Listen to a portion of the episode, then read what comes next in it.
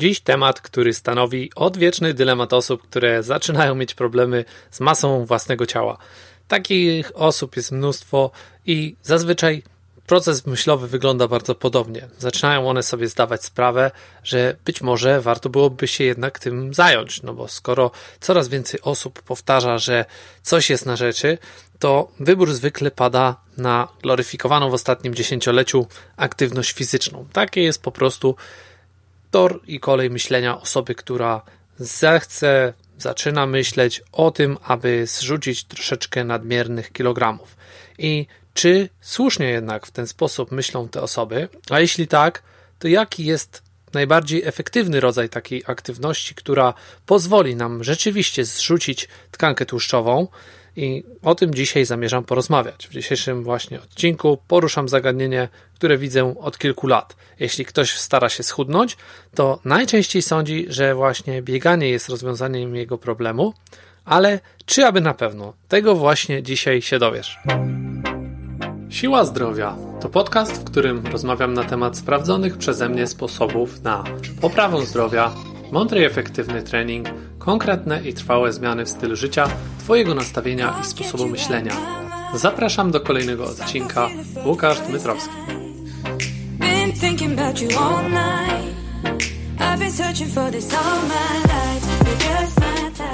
Ok, moi drodzy, witam bardzo serdecznie w kolejnym odcinku Siły Zdrowia. Ja nazywam się Łukasz Dmytrowski i od wielu lat pomagam wszystkim chętnym, zainteresowanym osobom poprawiać własne zdrowie poprzez mądrą aktywność fizyczną i zdrowe odżywianie.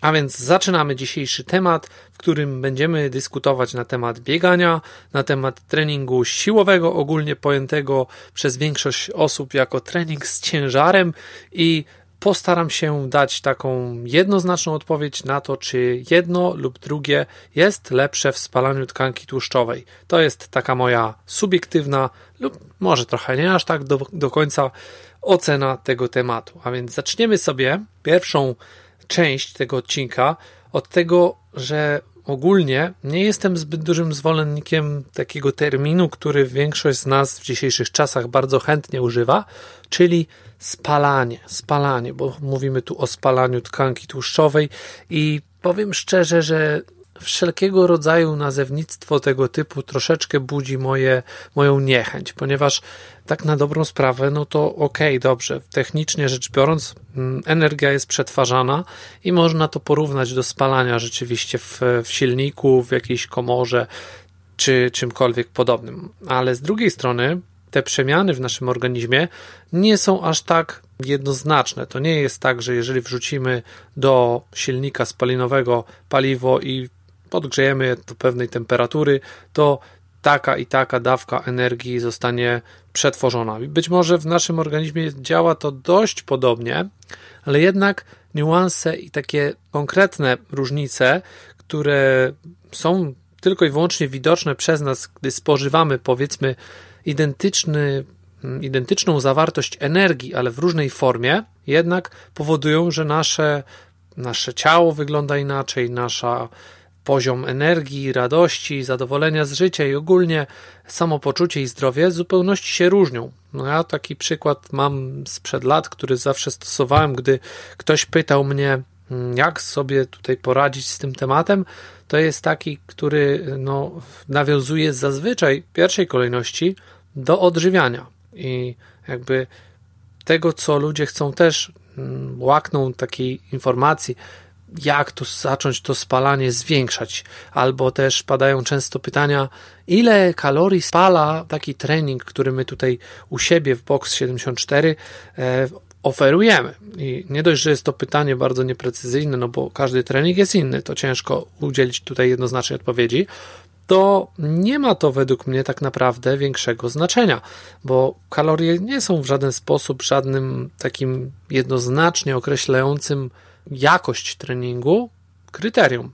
Można oczywiście bazować na tym, że ok, spaliłem 300, 500, 700 kalorii, co nigdy nie będzie aż tak czytelne, bo nawet mając jakiś konkretny zegarek, najlepszy na rynku, yy, sposób, w który będzie on oddawał jakieś tam pojęcie, że powiedzmy biegnąc tempem takim lub takim spalamy tyle i tyle, nawet jak wklepiemy tam swoje podstawowe dane, takie jak wzrost, waga i tego typu rzeczy, to mimo wszystko to są tylko i wyłącznie szacunki, które należy traktować jako taką anegdotyczną, powiedzmy nawet wiedzę, która nie gwarantuje nam ostatecznie sukcesu.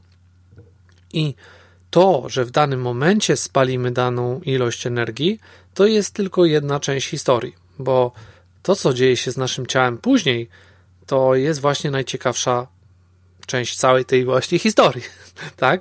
Czyli mm, musimy zacząć od tego, że no właśnie tak jak powiedziałem, ta druga rzecz, o której chciałem dzisiaj, którą chciałem poruszyć, to jest to, że kalorie, kalorie nie stanowią dla mnie, przynajmniej osobiście, takiego wyznacznika od tego, czy uda mi się spalić, czy nie. Oczywiście, zaraz jakiś spec od e, dietetyki się odezwie, że aby w ogóle powstał taki proces spalania, musi być deficyt, czyli y, żebyśmy zgubili wagę, to nie możemy spożywać więcej niż zużywamy. No i to z punktu widzenia logiki ma jak najbardziej sens, aczkolwiek ta granica nie jest tak, jak często się ludziom wydaje, dość duża. Wystarczy, że ten deficyt będzie niewielki, albo nawet i prawdopodobnie niezbyt taki konkretny, czyli może on być na poziomie zupełnie niewielkim.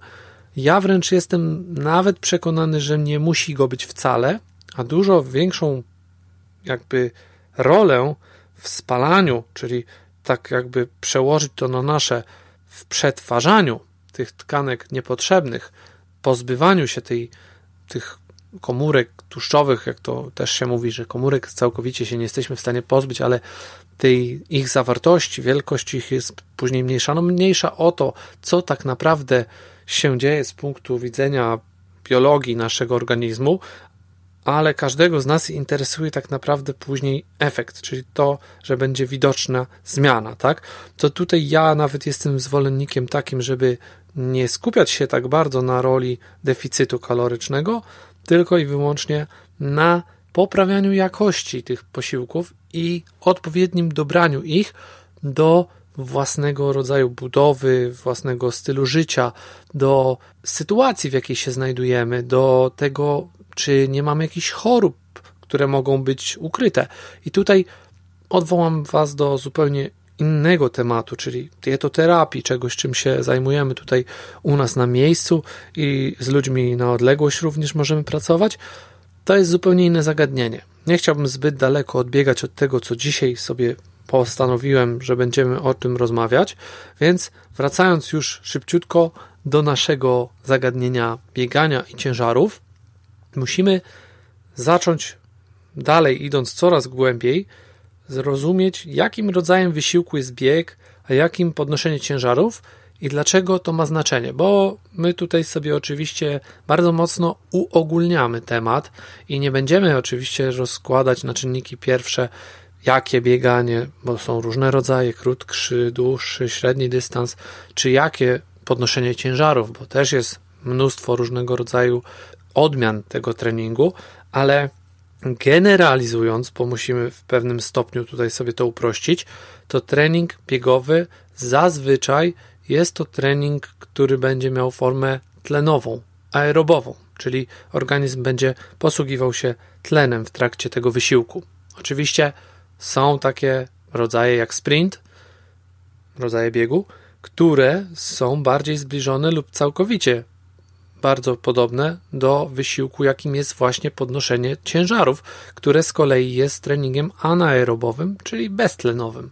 I to są dwa podstawowe, kompletnie różne od siebie rodzaje treningu, podczas których nasz organizm zupełnie inaczej korzysta z energii. Ale znowu, nie chciałbym wchodzić tutaj w jakąś biochemię, w jakieś tematy, zagadnienia, które mogą być zbyt skomplikowane i większość z nas przy takich tematach już powoli odpływa i zasypia, tylko być na takim poziomie, który jest dla większości osób zrozumiały i wystarczający. Zarówno dla mnie on jest nawet wystarczający.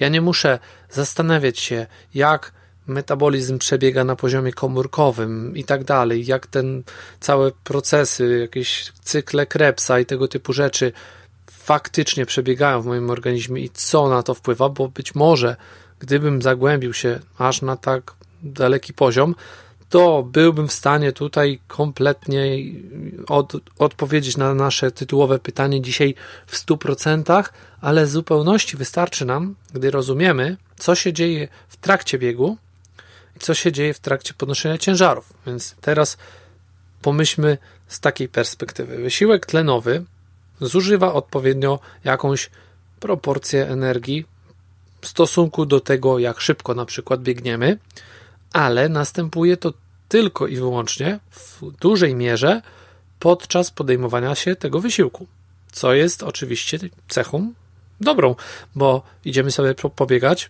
korzystamy z tego, że organizm zostaje dotleniony, odpowiednio oczywiście też wypoczywa psychicznie i ma to swoje bardzo duże zalety i korzyści. Również podnosi się jego wydolność, czyli zdolność do przerabiania jakby tego tlenu powietrza i również krew lepiej krąży i tak dalej, i tak dalej. Oczywiście mięśnie też stają się bardziej wytrzymałe, ale niekoniecznie budujemy tu jakiegoś swoistego rodzaju dużą siłę.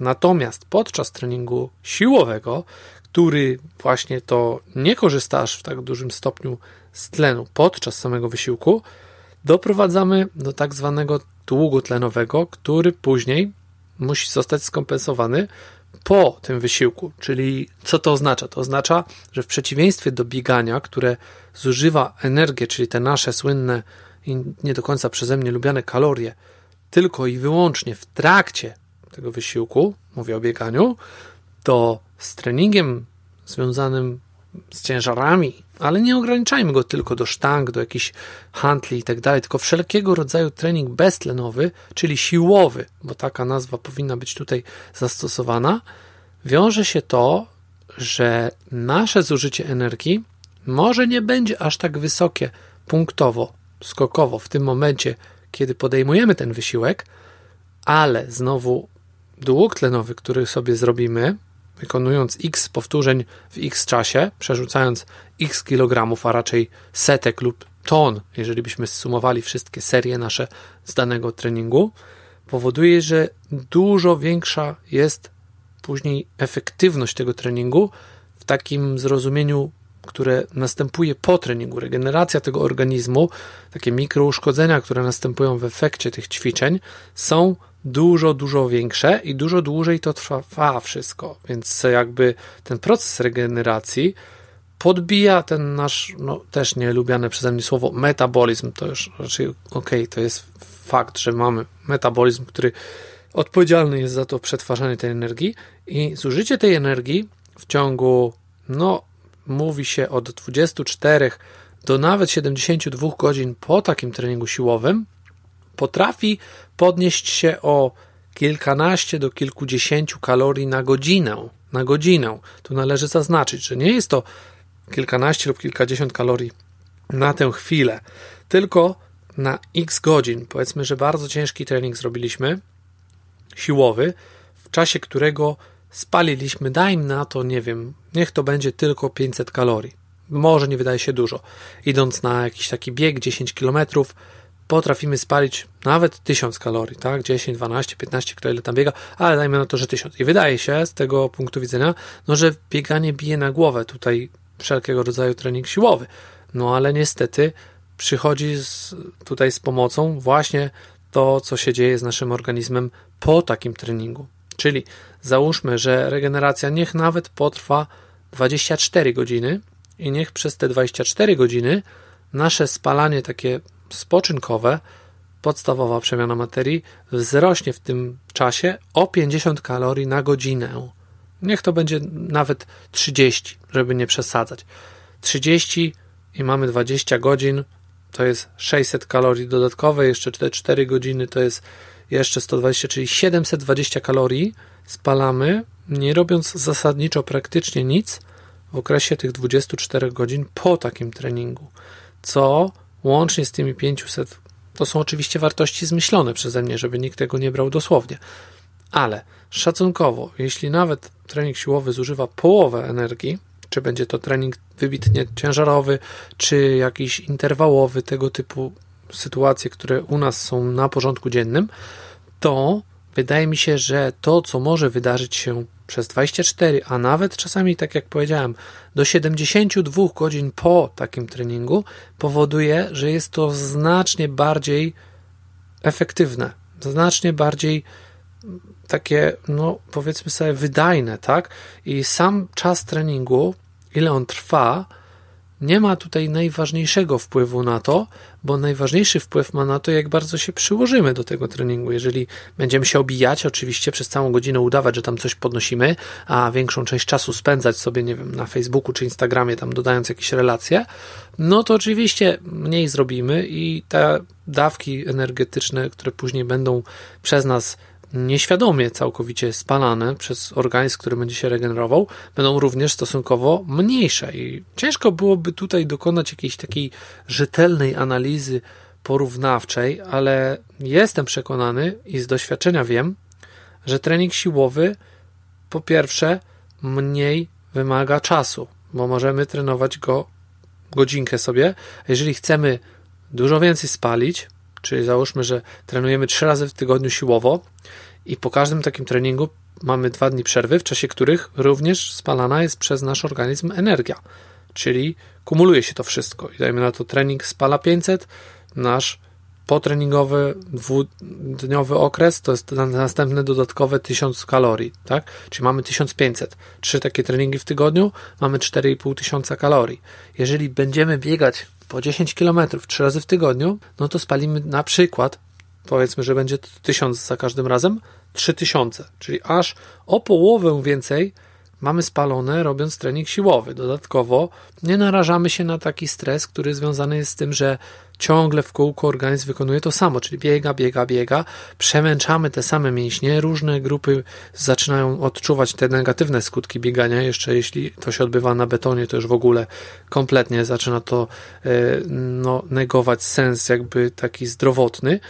No i co się dzieje? No zniechęcamy się, bo zaczyna nam się to nudzić. Oczywiście efekty jakieś tam widzimy na początku, one nie są nigdy wiecznie takie same, maleją, no i zniechęcamy się do tego biegania.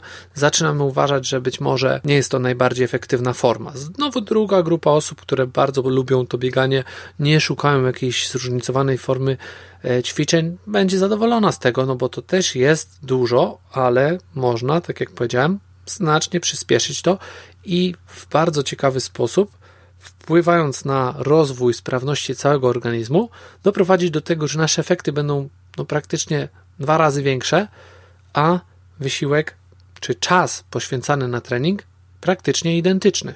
Więc jaki jest mój wniosek z tego wszystkiego? No, ja ewidentnie e, doceniam zalety jednego i drugiego treningu, bo oczywiście na wszystko jest miejsce. Nie chciałbym, żeby to brzmiało, jakbym kogokolwiek chciał zniechęcić do biegania.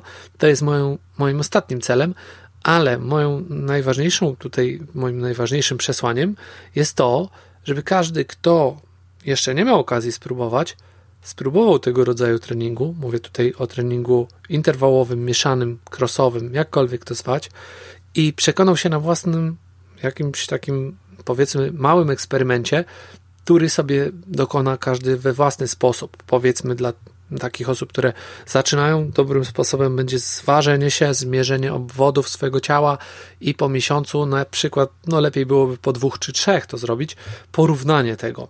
Ciężko będzie nam oczywiście to porównać do biegania, jeśli nie biegamy, powiedzmy, nie, nie zrobiliśmy tego eksperymentu, załóżmy rok wcześniej, bo no, jeżeli zrobimy najpierw bieganie, zrzucimy tam 5 kilo, a potem dopiero trening interwałowy, crossowy, no to też jakby efekty będą zupełnie inne, no bo spalając pierwsze 5 kg mamy dużo większą łatwość z tym niż kolejne 5 i każde kolejne 5 będzie dużo trudniej, ale y, same odczucia i satysfakcja z treningu powinny też być takim elementem treningu, który sprawi, że sami będziecie wiedzieć, co Wam się bardziej podoba. Tak więc mam nadzieję, że pomogłem Wam tutaj w dokonaniu wyboru, że jest to w miarę obiektywna ocena.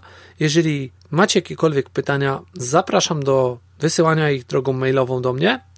lukaszmałpadbytrowski.com. Chętnie odpowiem, również podzielę się kolejnymi spostrzeżeniami tutaj za pomocą podcastu. Jeżeli będą jakieś dodatkowe pytania, to ewentualna druga część może się jeszcze pojawi. A w tym momencie bardzo serdecznie Wam dziękuję. Zachęcam oczywiście, jak zwykle, do udostępniania moich odcinków na swoich mediach społecznościowych, tak aby więcej osób mogło się o tym wszystkim dowiedzieć, posłuchać i skorzystać z tej wiedzy. A my słyszymy się już w następnym odcinku. Dzięki za odsłuchanie tego odcinka. Po więcej zapraszam na stronę www.box74.pl ukośnik podcast. Do usłyszenia w kolejnym odcinku.